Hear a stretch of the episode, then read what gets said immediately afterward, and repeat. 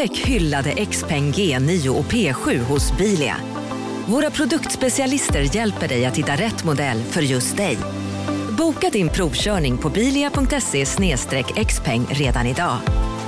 Välkommen till Bilia, din specialist på XPeng. CSRD, ännu en förkortning som väcker känslor hos företagare. Men lugn, våra rådgivare här på PWC har koll på det som din verksamhet berörs av. Från hållbarhetslösningar och nya regelverk till affärsutveckling och ansvarsfulla AI-strategier. Välkommen till PWC. Välkommen till Unionen. Jo, jag undrar hur många semesterdagar jag har som projektanställd och vad gör jag om jag inte får något semestertillägg? Påverkar det inkomstförsäkringen? För jag har blivit varslad, till skillnad från min kollega som ofta kör teknik på möten och dessutom har högre lön trots samma tjänst. Vad gör jag nu? Okej, vi tar det från början. Jobbigt på jobbet. Som medlem i Unionen kan du alltid prata med våra rådgivare.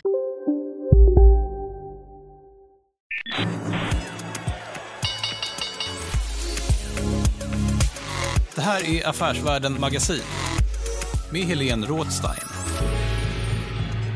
Hej och hjärtligt välkomna till podden Affärsvärlden Magasin där vi fördjupar oss i affärsvärldens journalistik. Jag heter Helene Rådstein och jag är reporter på Affärsvärlden. Och nu så har jag Per Ekelund på tråden. Och eh, Per, du är vd för fastighetsbolaget Hembla ska man säga va? Och ni är verksamma inom svenska miljonprogramsområden. Välkommen! Tack så mycket. Du, eh, Hembla är ju en av landets största privata hyresvärdar. Ni finns i 18 kommuner och eh, det är inte över hela Sverige. Man kan säga från Uppsala och neråt va?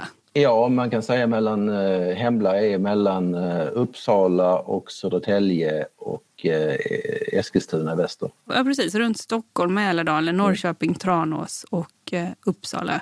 Men det finns också Victoria Park som du också är vd för, eller? Just det. Ja, och Victoria Park finns mer i eh, södra Sverige, har det varit. Ja, vi är mellan Stockholm och eh, Trelleborg.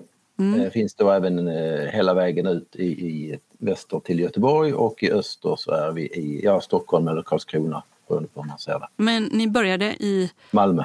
Och det började också på, inte alls inom miljonprogramsområdet utan det var ju något helt, ja. Men om, nu fokuserar vi på miljonprogramsområdena. Och båda, både Victoria Park och Hembla ägs numera av tyska Vonovia sedan 2019. Kan Just det. vi lägga till. Ni eh, har ju hela 21 400 har jag skrivit upp familjer som bor i era hyresrätter. Ja, det kanske är. Det är 38 000 lägenheter totalt. 38 000 lägenheter. Hur, hur, många, hur många tänker ni då att det är? Jag räknar lite grovt så skulle jag säga att det kanske är 2,7 tre personer per lägenhet någonstans där. Det blir som en liten stad. Och eh, du har också ägnat dig åt hyresrätter i nästan hela ditt yrkesverksamma liv. Vi återkommer till det lite senare. Men vi har ju nu en regeringskris där just eh, hyresrätter har varit det som faktiskt orsakade den här regeringskrisen. Vad, hur tänker du kring, eh, kring att den frågan har blivit så känslig som rör då fri hyressättning för nyproducerade hyresbostäder? Ja, det måste vara någonstans ödets ironi eh, med tanke på att det är ingen jättefråga i sig. Hyrorna redan idag vid nyproduktion är ganska fri och ganska nära marknadshyror om man säger så. Mm. Och det gäller bara det som ska byggas i framtiden. Så att det blev lite märkligt när man hade diskussioner man pratade om tre miljoner lägenheter för det, det var det ju inte alls utan det var, det var ju i, i nyproduktion man pratade om. Mm.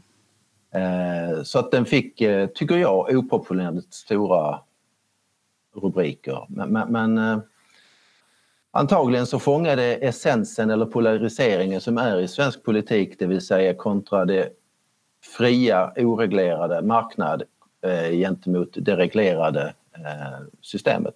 Mm. Och det var väl det som gjorde att det blev så otroligt känsligt.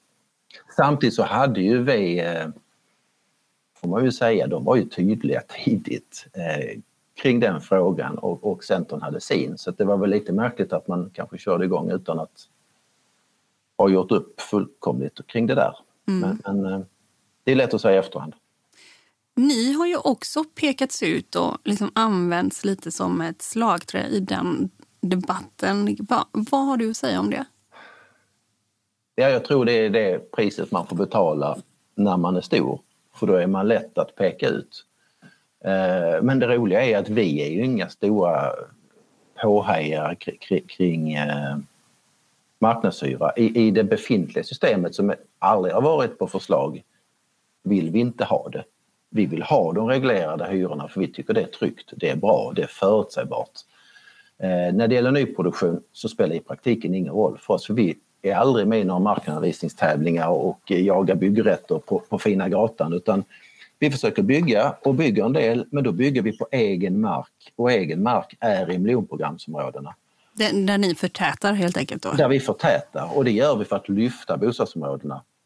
Mm. Och vi vill inte ha mer hyra än det vi har kunnat få i förhandlingar med, med Hyresgästföreningen därför att då anser vi att då, då, då, är vi över marknadshyra. Eller då är vi, på, vi, vi är redan på marknadshyra. Så det finns ingen anledning att ha mer och med det ägar, de ägarna vi har idag så har vi mer eller mindre ett evigt perspektiv och, och, det är liksom inte intressant att få en hyra om man inte kan hyra ut eller om man får problem i en framtid.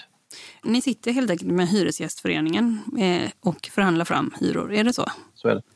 För om vi ska gå in på er modell förresten då, som mm. finns i Hembla. Ni renoverar lägenhet för lägenhet när någon har flyttat ut och sen så kan ni då höja hyran helt enkelt. Kan du förklara Just lite det, hur men nu, nu, hoppar du till, till lägenhetsrenoveringar så, så lyssnarna är med på det. Men, men ja, eh, vi har ett miljonprogram. Ja. Miljonprogrammet i Sverige byggdes extremt mycket 68. Åtminstone så har vi väldigt många hus som är byggda 68. Ja. Eh, det innebär att de är över 50 år. Och, eh, så jag skulle säga så att frågan är inte om man ska renovera utan frågan är hur man renoverar. Och, och då har vi valt att renovera lägenhet för lägenhet av det enkla skälet att det funkar inte att ta hela huset för där bor jättemycket människor som inte fixar en högre hyra. Mm. Och som inte vill bo i kappsäck medan man renoverar. Eh, och därför renoverar lägenhet för lägenhet och då förhandlar vi med Hyresgästföreningen och eh, sätter ny hyra. Eh, tyvärr har då eh, Hembla historiskt strandat en del förhandlingar för man inte kom överens och satt den hyran och det är någonting som vi jobbar idag på att komma bort ifrån eh, därför att vi vill ha en överenskommelse. Därför att problemet när du strandar en hyra och, och sätter den själv det är att då får du ingen årlig hyresökning. Hur kommer det sig att det har blivit så? Ja, det ska ju de svara på. Men jag tror att det är motsatsen till det vi strävar efter, det vill säga det förutsägbara. Eh, man ville hellre kanske ha en högre hyra för att högre hyra gav ett högre värde. Mm. Och det kan ju bottna i eh, vilket perspektiv man har på sitt ägande kanske. Mm. Vi är ju mer intresserade av att få en, hyra, en hyresökning varje år och det kommer an på det här stabila, trygga som tuggar på år ut och år in. Det, det, det är det som Vonovia vill ha och det är det som Vonovias aktieägare vill ha. De vill inte ha den här rock'n'roll-aktien, de vill ha den tråkiga förutsägbara som eh, tickar på. Mm. Eh, och, och, för den som vill ha det mer eh, full fart eh, och beredd på mer risk, ja men då kanske man ska köpa kontor eller någonting där hyrorna går upp i högkonjunktur och, och ner i lågkonjunktur. Men, mm. men, där är inte vi. Vi vill jobba med mer förutsägbart och stabilitet och det är de, som, det är de människorna som uppskattar det som, som, som, har, som främst köper aktier i Vonovia. För Vonovia, det är en tysk bostadsjätte ju. Det är en tysk det är ett tyskt bostadsbolag, men ett ja. väldigt stort sådant. Ja, jättestort. Jag vet inte, hur, hur, hur stort är det? Eller vet du? Innan köpet av Deutsche Wohnen så hade man 400 000 lägenheter. Mm. Så det är mycket. Ja, det är väldigt mycket. De köpte först va, Victoria Park och sen Hembla. Mm. Victoria Park sommaren 18 och Hembla december 19. Mm. Kunde du föreställa dig att det skulle gå mot det här hållet när du kom in som vd i Victoria Park? Nej, det var lite maxat. Eh, jag tackade ja eh, tidigt 18. Ja, efter fem år hade du varit där då ungefär? Va? Precis, ja. Eh, när Peter Strand ville bli ordförande mm. och, och, inte var operativ. Mm. Och vi hade stämma i april och den första april så kommunicerades Starwoods bud så att jag tackade ja till jobbet till en styrelse och, men förstod rätt så snabbt att jag kommer få en annan. Mm. Men, men så lätt ger man inte upp. Eh, och sen som det, så, så kom ju Vonova in med ett bättre bud än Starwood och sen så gjordes affären upp på sommaren någonstans. Det där har ju blivit också en rättegångsfråga där folk köpte på sig aktier och så. Har du varit inblandad i den förresten? Inte alls. Har Inte inte, alls. blivit förhörd, inte någon som helst diskussion med andra som står i media. Nej, och då kan man säga det är flera som... Den här saken är inte avgjord än. Det kommer vara huvudförhandling i oktober tror jag. Ja. Men du var delägare eller? I Victoria Park? Alltså, det var ett noterat bolag så vi hade ju aktier allihop i bolaget och, och bolaget hade ju jobbat med optionsprogram så, att det var vi ju i någon mån men, men väldigt, väldigt liten sådan. Ja, lite så. Men ändå så blev det ju ändå en slant då när eh, Vonovia kom in och eh, köpte till slut då, eller hur? Mm. Jo, Ja. det stämmer. Det som eh, jag eh, tänkte på här, liksom, ni kan man ju också kalla för slumlord som man ska vara lite eh, politisk nästan då. Eh, för det som, du, som vi börjar prata om lite grann det är ju också att eh, du, du pratar om en polarisering här som du ser. Den tycker jag, ni har ju också varit föremål för liksom ganska polariserat samtal kan man väl säga. Eller hur eh, liksom ni dyker upp lite här, här och där och pekas ut stundtals som ja, men ganska bad guys, att man tjänar pengar på fattigas. Så här, vad, vad, vad säger du om det? Nej, men jag tror som jag sa innan, jag tror tyvärr det är lite grann priset man får betala när man är stor. Eh, och sen var det ju så här att eh, både Victoria Park men även Hembla på den tiden de var noterade, aktierna gick ju väldigt bra. Eh, och, och så var det ju ofta när man skrev ett reportage så han, handlade, om reportaget handlade om hyra till exempel så, så, han var, bestod egentligen hela ingressen till artikeln om hur aktiekursen hade gått. Eh, och det, så det är möjligt att det, liksom, det berörde men det hade ju inget samband i sig utan det var väl snarare att eh, det har ju hänt, om man backar bandet så har det hänt mycket i miljonprogrammet om vi backar eh, tio år. Ja. 2012-2013 så kunde man läsa rubriker om att eh, man planerade att riva delar av miljonprogrammet på grund av underhållsskulden. Och om man planerar att riva någonting då är ju värdet ganska lågt på det. Och det var ju kanske också en av anledningarna till, till att eh, Victoria Park på den tiden gick in i miljonprogram därför att man var ju med de gamla ägarna ganska opportunistiska och, och ville gräva där ingen annan grävde.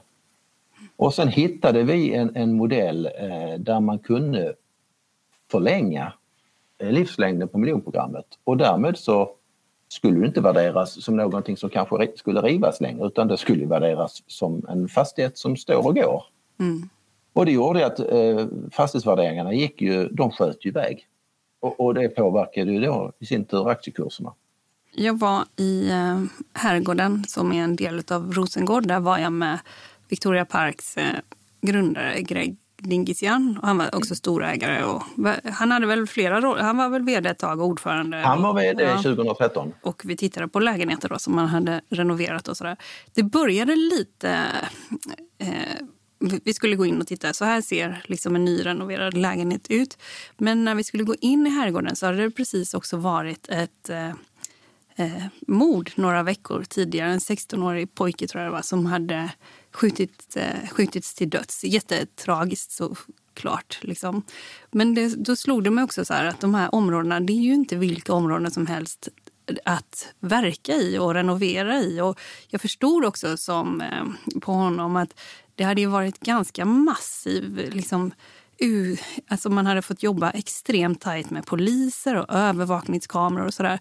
Jag tänkte också när du kom in där 2013 från Akelius, vad slogs du av när du kom in och började arbeta med miljonprogramsområdena? Ja, nej men herrgården var ju väldigt extremt. Det hade ju varit till salu i, tror jag, två år. Eh, Och ingen ville köpa det. Och det, det var ju för att det var ju, det hade ju gått alldeles snett. Ja, vi, vi- vi, stannar förresten lite där vid herrgården. Eh, för det hade ju ägts av norska Akta tror jag va? Just det. Och det har också varit uppe i Uppdrag granskning. Om någon kommer ihåg detta så var det liksom ungefär som insekter som kröp på barn och sådär när de sov. Det var helt otroligt. Men det sänkte väl också kanske värdet eh, liksom på hela Ja, beståndet? fullständigt, eller? Fullständigt, det kan man säga så här i efterhand. Men Victoria Park köpte det området för 3 800 kronor per kvadratmeter. Och det Ja. var nog det rätta värdet eh, vid den tidpunkten. Ja. Men det förklarar ju också naturligtvis eh, om man potentialen och om man börjar få rätt på ett sånt område. Men, men, men och bara för att få en jämförelse. Mark att bygga på värderas för den tiden högre i Malmö än vad man köpte herrgården för och då fick man husen men också hyresgästerna och eh, en del kackerlackor på köpet. Och vilket år var det exakt? Det var december 2012.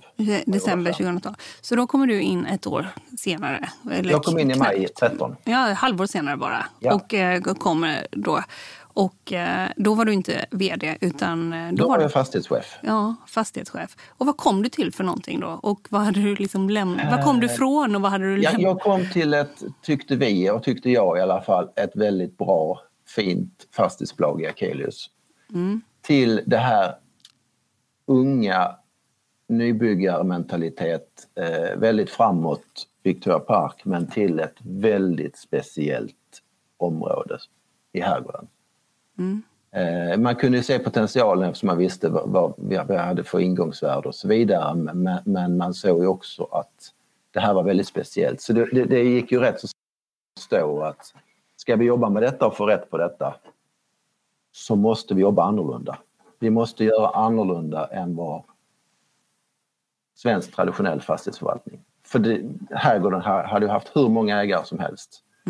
Och alla hade kommit till samma slutsats, det vill säga att det här ska jag nu ta och sälja. Eh, och vi insåg att vi kan inte sälja det. Det hade för det första varit till salu i två år eh, och det var jättekänt efter tv-programmet. Så det var bara att bita ihop och försöka få rätt på det. Och vilka metoder var det då som eh, man Jo, fick använda? det, det man, kunde, man kunde riktigt ta på, på stämningen i området därför att det var ett enormt utanförskap. Eh, det var en arbetslöshet en bit över 80 procent. Eh, och då i, när vi säger 80 procent då har du räknat med olika projekt. Så att den verkliga arbetslösheten var ju betydligt högre än så. Eh, så det fanns ett enormt utanförskap som ju tyvärr kommer från arbetslöshet. Och, och, och en fastighetsägare ses ju alltid som en del av samhället. Och därmed med så, så fanns ju en motsättning redan där. Eh, jag kommer ihåg när jag kom till Herrgården första gången så kom en liten rätt så kaxig 12-13-åring fram till mig och frågade om jag var polis eller kronofogde. Det var lite grann den mentaliteten.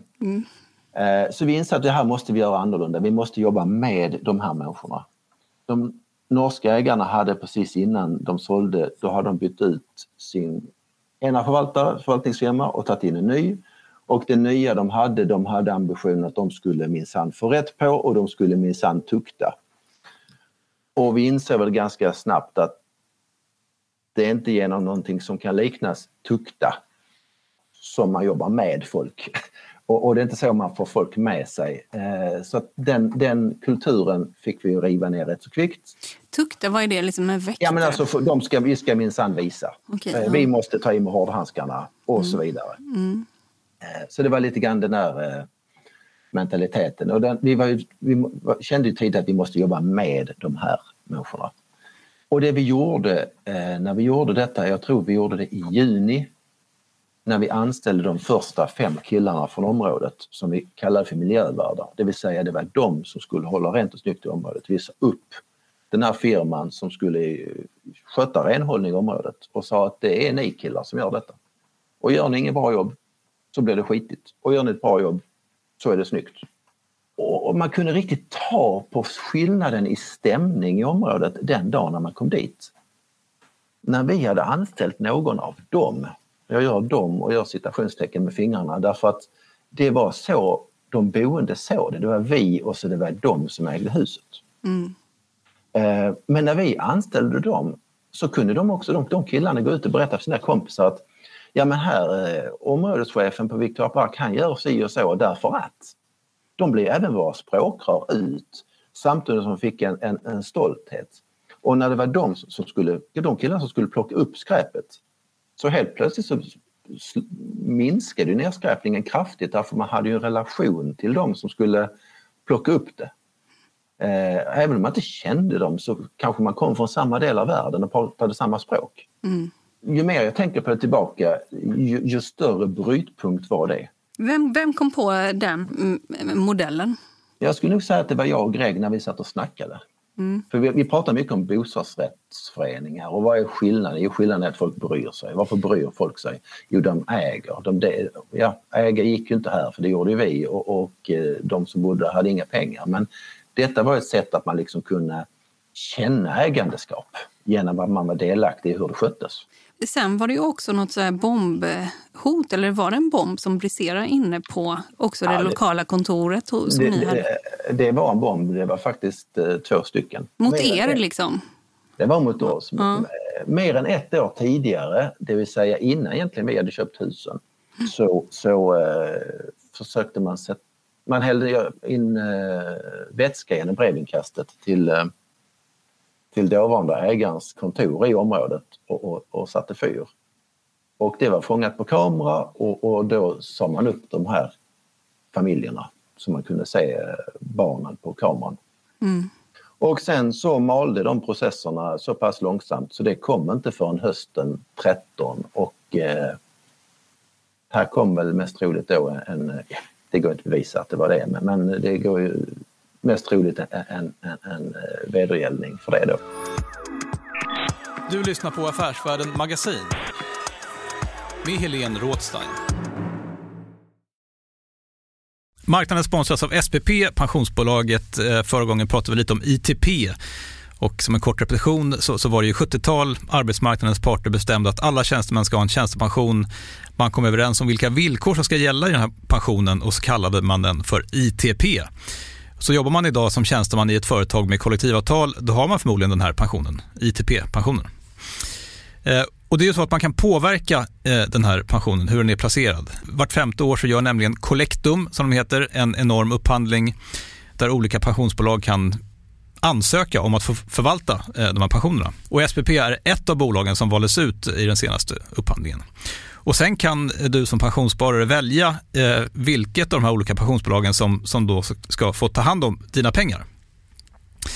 Och tanken med den här upphandlingen det är ju att liksom kvalitetssäkra de här olika alternativen eh, men också att förhandla fram stora rabatter så att pensionsspararna ska få ja, kunna spara pengar genom att avgifterna eh, som är så viktiga eh, blir eh, lägre. Och vill man välja någonting i ITP-systemet då finns det en relativt ny sajt som heter avtalat.se. Ehm, där kan man gå in och se hur sin ITP-pension är placerad. Jag gjorde det häromdagen faktiskt. Ehm, idén är att hälften av pengarna alltid ligger i något som kallas för traditionell försäkring. Det här gjorde vi ett avsnitt om i podden Kapitalet nyligen eh, som vi kallade världens bästa sparform. kan man lyssna på om man är intresserad. Eh, den andra halvan eh, den kan man också lägga i en traditionell försäkring eller så kan man placera det i något som kallas för fondförsäkring. Eh, SPP som sagt eh, var ju ett av de fåtal bolagen som valdes ut i den senaste upphandlingen och de finns med som alternativ både med en traditionell försäkring och med eh, fonder. Så det var en liten bakgrund till ITP-systemet. Vill man läsa mer om det här eller typ kolla hur ITP-pensionen är placerad, eh, kanske göra förändringar, då går man in på avtalat.se. Eh, Men tack säger jag till SPP som vill göra oss människor mer medvetna om hur enormt viktig pensionen är för oss som en framtida lön, men också som en positiv kraft i samhället Eh, och förstås för att ni möjliggör eh, den här podden Marknaden. Vilka andra typer av vad ska man säga, nya problem som var också bostadsrelaterade fick du liksom brott, brottas med? om man säger? Mycket svartuthyrning. Ja. Alltså man hade ju tappat kontrollen på uthyrningen så, så att det var ju mycket eh, svartuthyrning. Som kontrollerades av några då, speciellt? Ja, eller? precis. precis. Och, och du kanske kom dit. Så det vi gjorde utöver att anställa de här miljövärdena var att vi anställde två stycken som vi kallar bocoacher. Mm. Bocoacher var, om vi säger en 40-plussare som kommer från samma del av världen som merparten av de boende Mm. och är eh, oftast universitetsutbildad i sitt hemland. Så att det vill säga det är en kille eller tjej med, med huvudet på skaft och, och eh, lite känsla. Mm. Eh, de gjorde hembesök i, och, och pratade, gick hem till alla hyresgäster och pratade med dem och förklarade skyldigheter och rättigheter eh, men, men också kollade av hur det funkade. Ibland var det bara ett trevligt kundleverantörsmöte. Ibland fick man förklara hur man städar. Och ibland så upptäckte man att eh, det här är ju inte en lägenhet. det här är ett vandrarhem. Ja. Mm. Det vill säga, därför att det var kanske sju madrasser i vardagsrummet och, och fem i sovrummet. Mm. Det är ju faktiskt ett, liksom, något som ni fortfarande brottas med. Också på Hembla ganska nyligen så hade ni, eh, vad ska man säga, ni har arbetat systematiskt med eh, svartuthyrning. Va, eh, vad är det, någonting så 91 lägenheter eller vad det nu var? Mm. Ja. Nu har vi blivit mer eh, digitala, kan vi kalla det. Ja. Eh, så nu kan man stämma av eh, hyreskontrakt mot vad man är folkbokförd. Mm. Mm. Eh, och det beror ju också på att områdena fungerar ju helt annorlunda mot vad herrgården var på den tiden. På herrgården du var tvungen att vara på plats och gå dit och prata. Mm. Och prata på deras språk och visa och berätta. Mm. Eh, där är ju inte Stockholms förorter som där, där, där Hembla är. Det här var något helt annat? Liksom. Herrgården var något helt annat som jag är ja. väldigt tacksam att jag har fått ha med mig i bagaget därför att man fick förvalta annorlunda. Men, men så ser ju tack och lov inte Svenskt miljonprogram ut i övrigt. Nej, nej utan det är liksom ett extremfall menar du? Eh, ja, liksom som ni.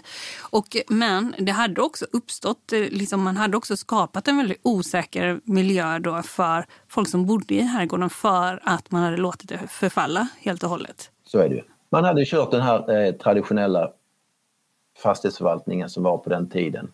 Eh, det vill säga man investerade så lite som möjligt och plockade in hyrorna vad det gäller svartkontrakt, jag tror man måste faktiskt förstå att det är väldigt mycket pengar som det kan handla om för, alltså om du är några få som kontrollerar någonting, kan, kan du bena ut det där lite? Alltså om, om det är tio Nej, madrasser så... Om du hyr en lägenhet så kan du ju hyra ut sovplatser sen till folk. Mm. Och de betalar ju dig eh, ett antal tusen i månaden. För mm. de, kanske, ett, de kanske inte har någon annanstans.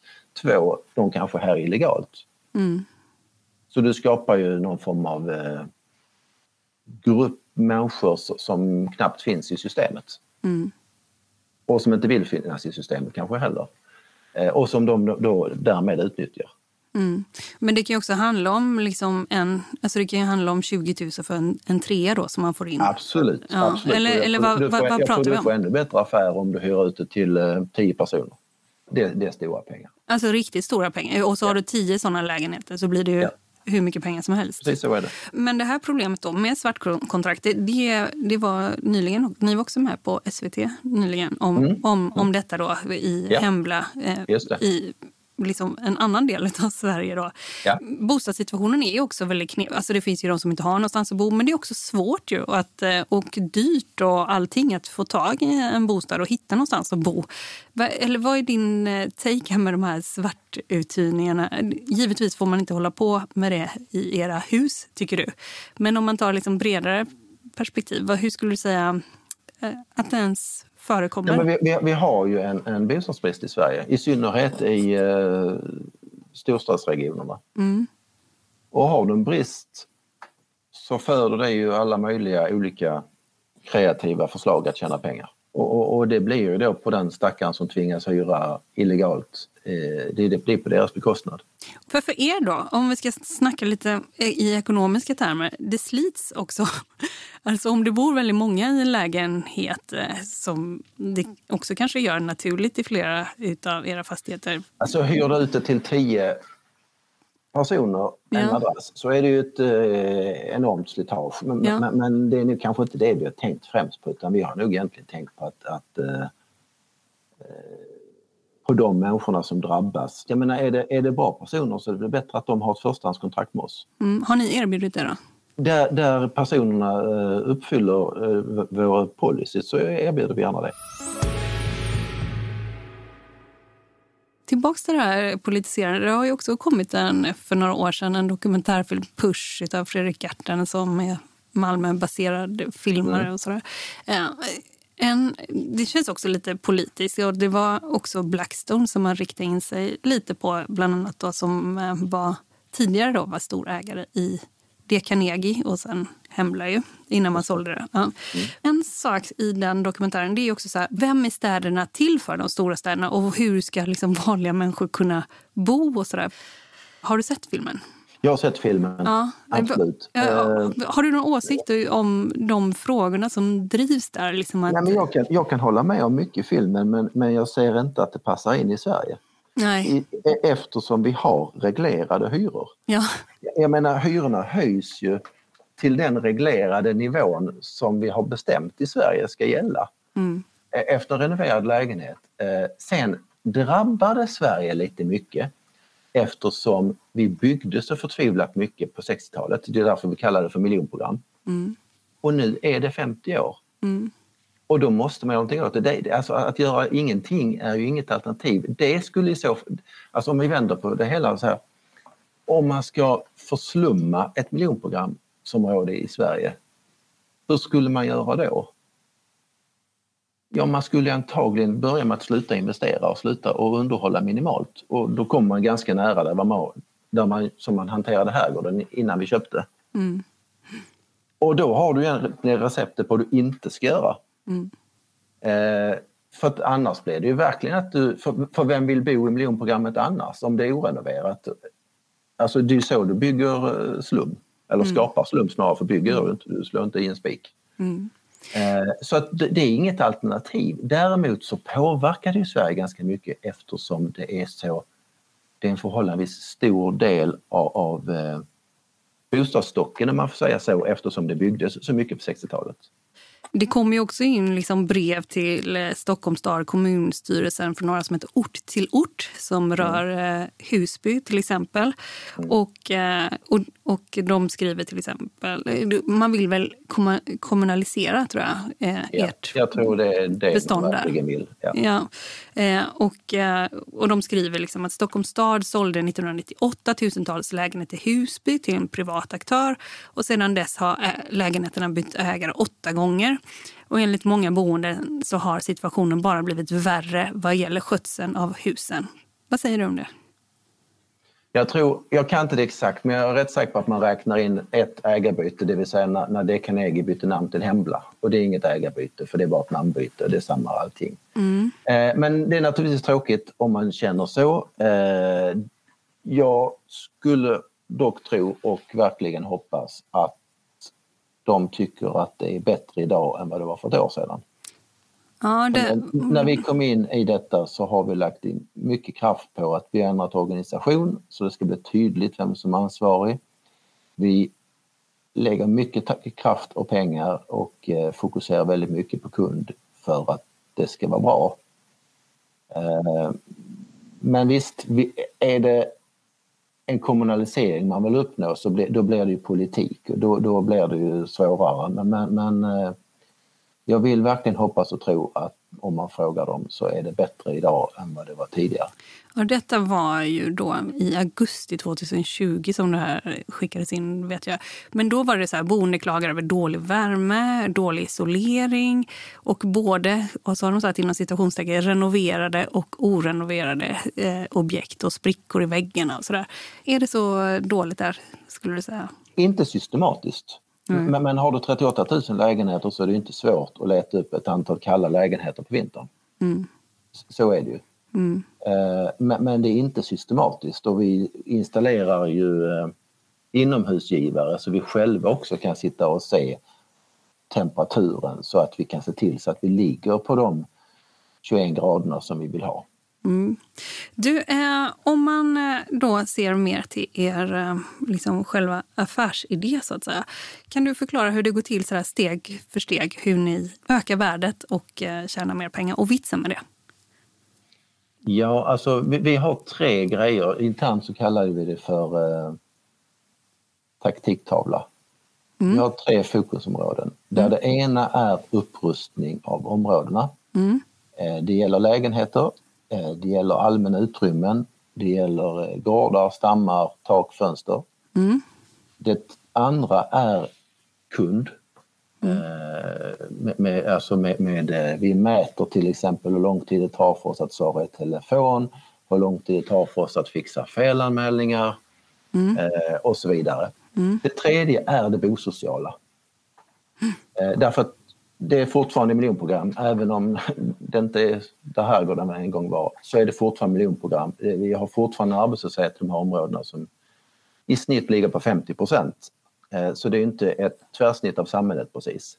Så vi lägger mycket kraft på det bosociala och tar vi Victoria Park till exempel som har kommit längst därför att det är det vi, jag, det vi och jag har jobbat med längst.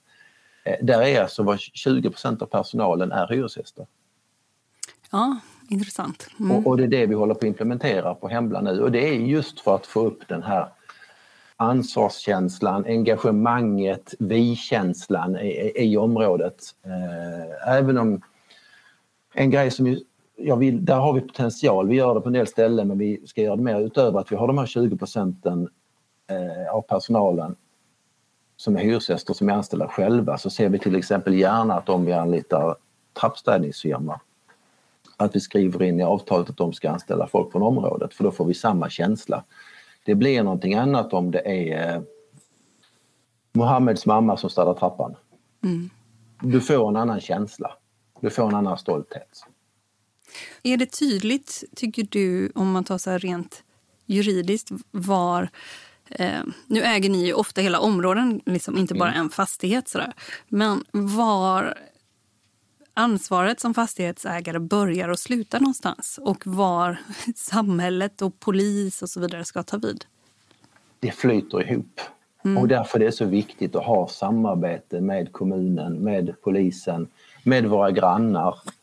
Eh, vi gick ju med i Sveriges allmännytta för inte så länge sedan ja. och, och, och, det största skälet för det tycker jag är att det blir än lättare att samarbeta med våra grannar och grannarna är ju ofta det kommunala bolaget. Mm, för de äger också mycket.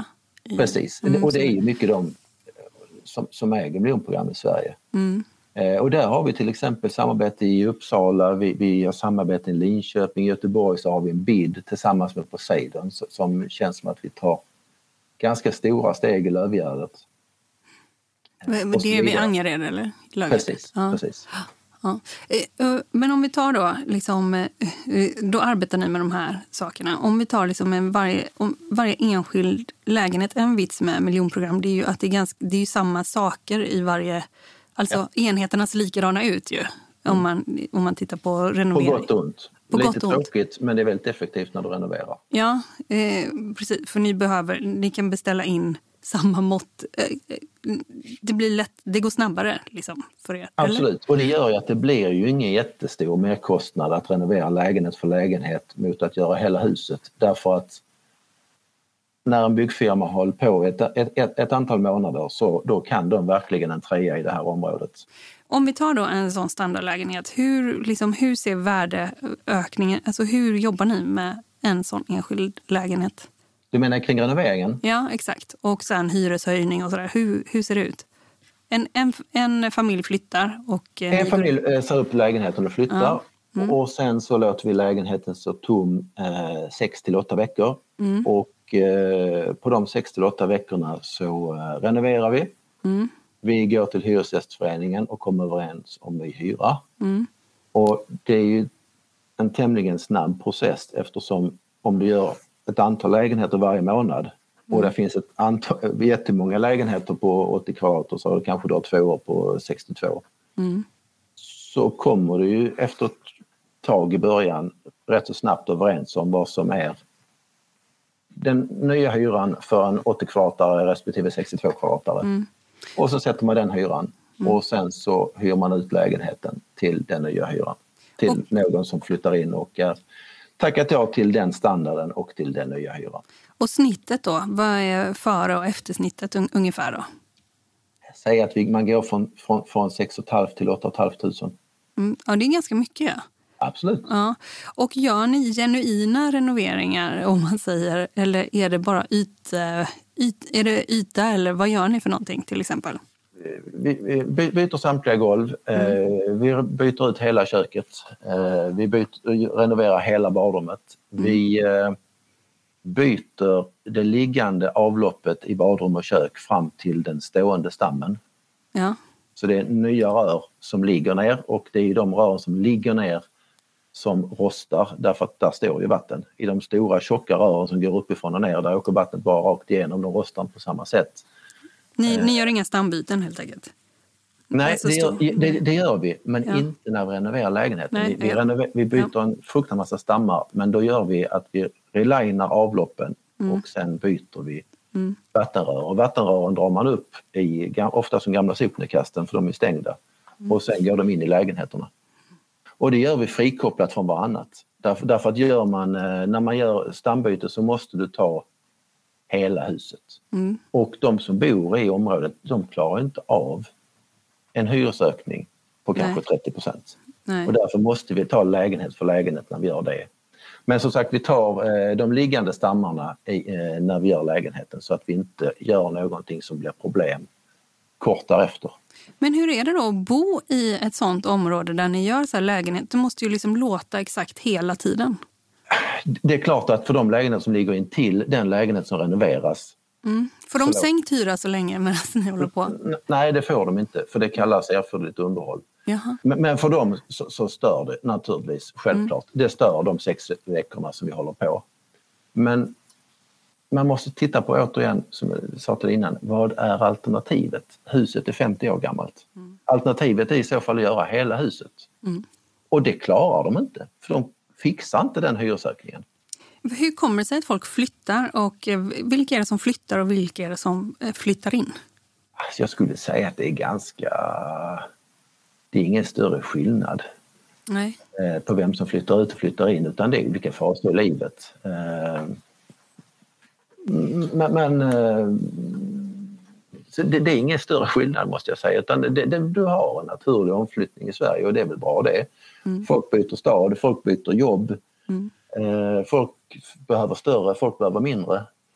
När man då, för om man gör detta hela tiden, om ni då liksom, hur många lägenheter har ni renoverat och hur många är kvar? Alltså jag tänker om man eh, då har renoverat upp klart, liksom, hur, hur kommer värdeökningen, eller vad, vad är nästa steg då att göra? Är det att förtäta områdena, bygga upp, eh, eller vad är nästa steg efter det? Ja, det, det låter lite grann som, du, som du, du, du fiskar lite grann efter det här med att öka värdet hela tiden. Ja, Eh, är det dåligt tycker du? Nej, det är inte dåligt. Absolut inte. För att eh, det, är, det är ju värdeökning som gör att man kan investera. För man kan Mm. belåna värdeökningen så att säga. Ja. Men, men det är inte det primära. För återigen, vi har ju alltså ett 25-50-årigt fokus.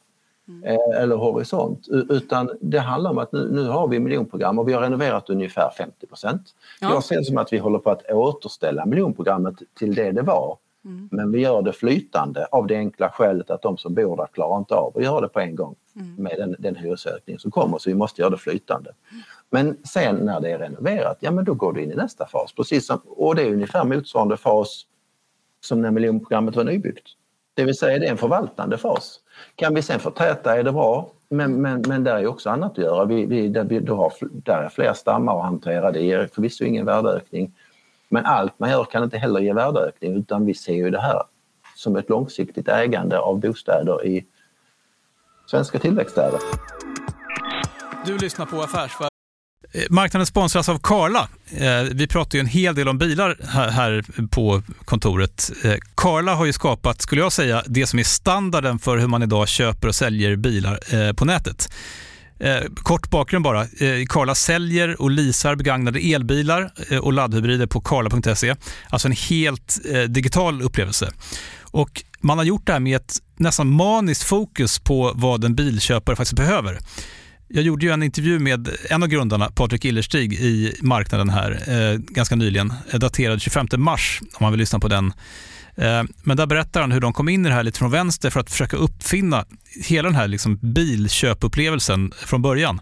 Och de har idag, vilket är rätt otroligt, 4,8 i betyg eh, på Trustpilot. Jag, jag har sett många företagssidor på Trustpilot, men det här är nog bland eh, det bästa jag någonsin sett eh, faktiskt.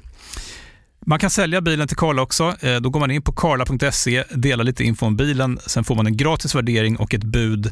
De hämtar bilen helt gratis i hela Sverige och så har man pengarna på kontot i samma stund som de hämtar bilen.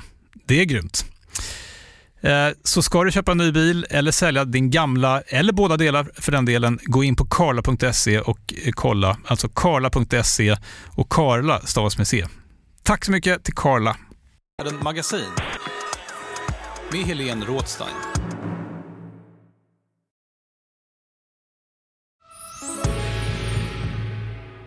När är du nöjd och var om vi blickar 20 år framåt eller 10 år framåt e- eftersom du betonar också att ni har lång sikt.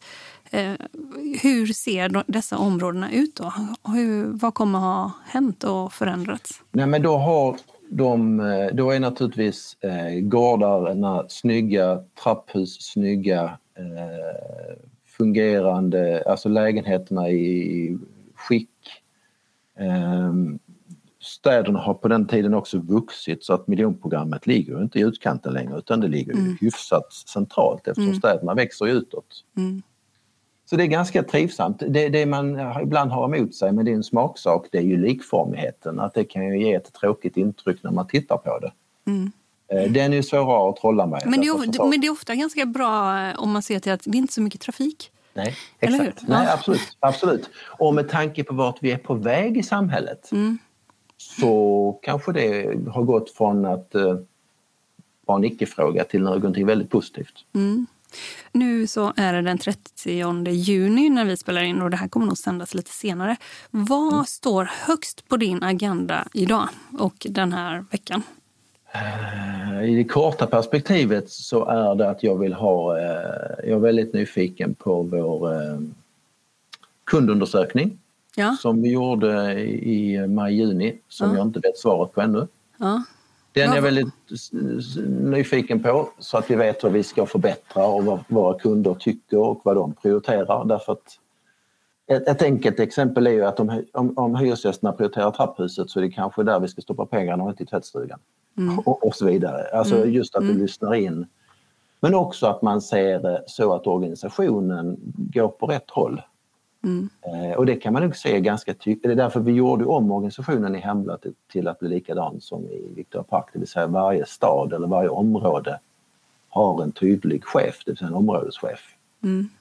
Och det gör att det, ansvaret blir väldigt tydligt mm. Eh, och då blir det också lättare att korrigera. Det verkar som att eh, det här som du tar med dig från Victoria Park, det, att vara lite nära om man säger så. Alltså miljonprogram, du måste vara nära. Du, måste ha, du kan inte sitta på Stortorget och sköta miljonprogram. Nej. Utan det måste vara i området därför att ta en sån enkel sak som en entréport. Om du ska reparera den på Fina gatan, så när den är reparerad så är den ju hel. Mm. Det är inte alls säkert att den är hel så länge i ett miljonprogram. För det kan ju vara så enkelt att det finns någon på tredje våningen som inte vill ha den hel därför att de har kanske lite försäljning. Vad vet jag? Mm. Det enda vi vet är att det händer, det händer mycket. Ja. Kan du bli liksom matt, eller om man försöker så här rusta upp och göra fint, kan du liksom bli... Ja, men det är klart att man blir lite matt. Ja. Eh, jag tror att det är en viktig grej i detta är att man är lite naiv. Ja, är, är, är du det fortfarande? Nej. Nej, kanske inte riktigt, men då kanske det är en fördel att jag inte är i främsta linjen i förvaltningen alltid. Nej, ja, okay, jag eh, Men jag tror man måste tro på det, man måste gilla sina hyresgäster och sitt område. Mm. Och, och, och, då är, återigen, då är det viktigt och där, därför tror jag det hjälper att ha så pass många hyresgäster anställda. Ja, Även för den lokala chefen ja. så, så, har man eh, fem miljövärdar säger vi, eh, anställda som, som man känner så är det ju dina arbetskamrater, de, mm. men de är även dina kunder det blir, de här människorna blir brobyggare mer än vad man kan ana. Mm. Och du skulle säga nej till fri hyressättning utifrån din position? Ja, det skulle vi. För vi vill inte ha den eh, volatiliteten. Jag säger tack till dig Per Ekelund eh, för att du var med i podden Affärsvärlden Magasin. Tack själv, det var trevligt.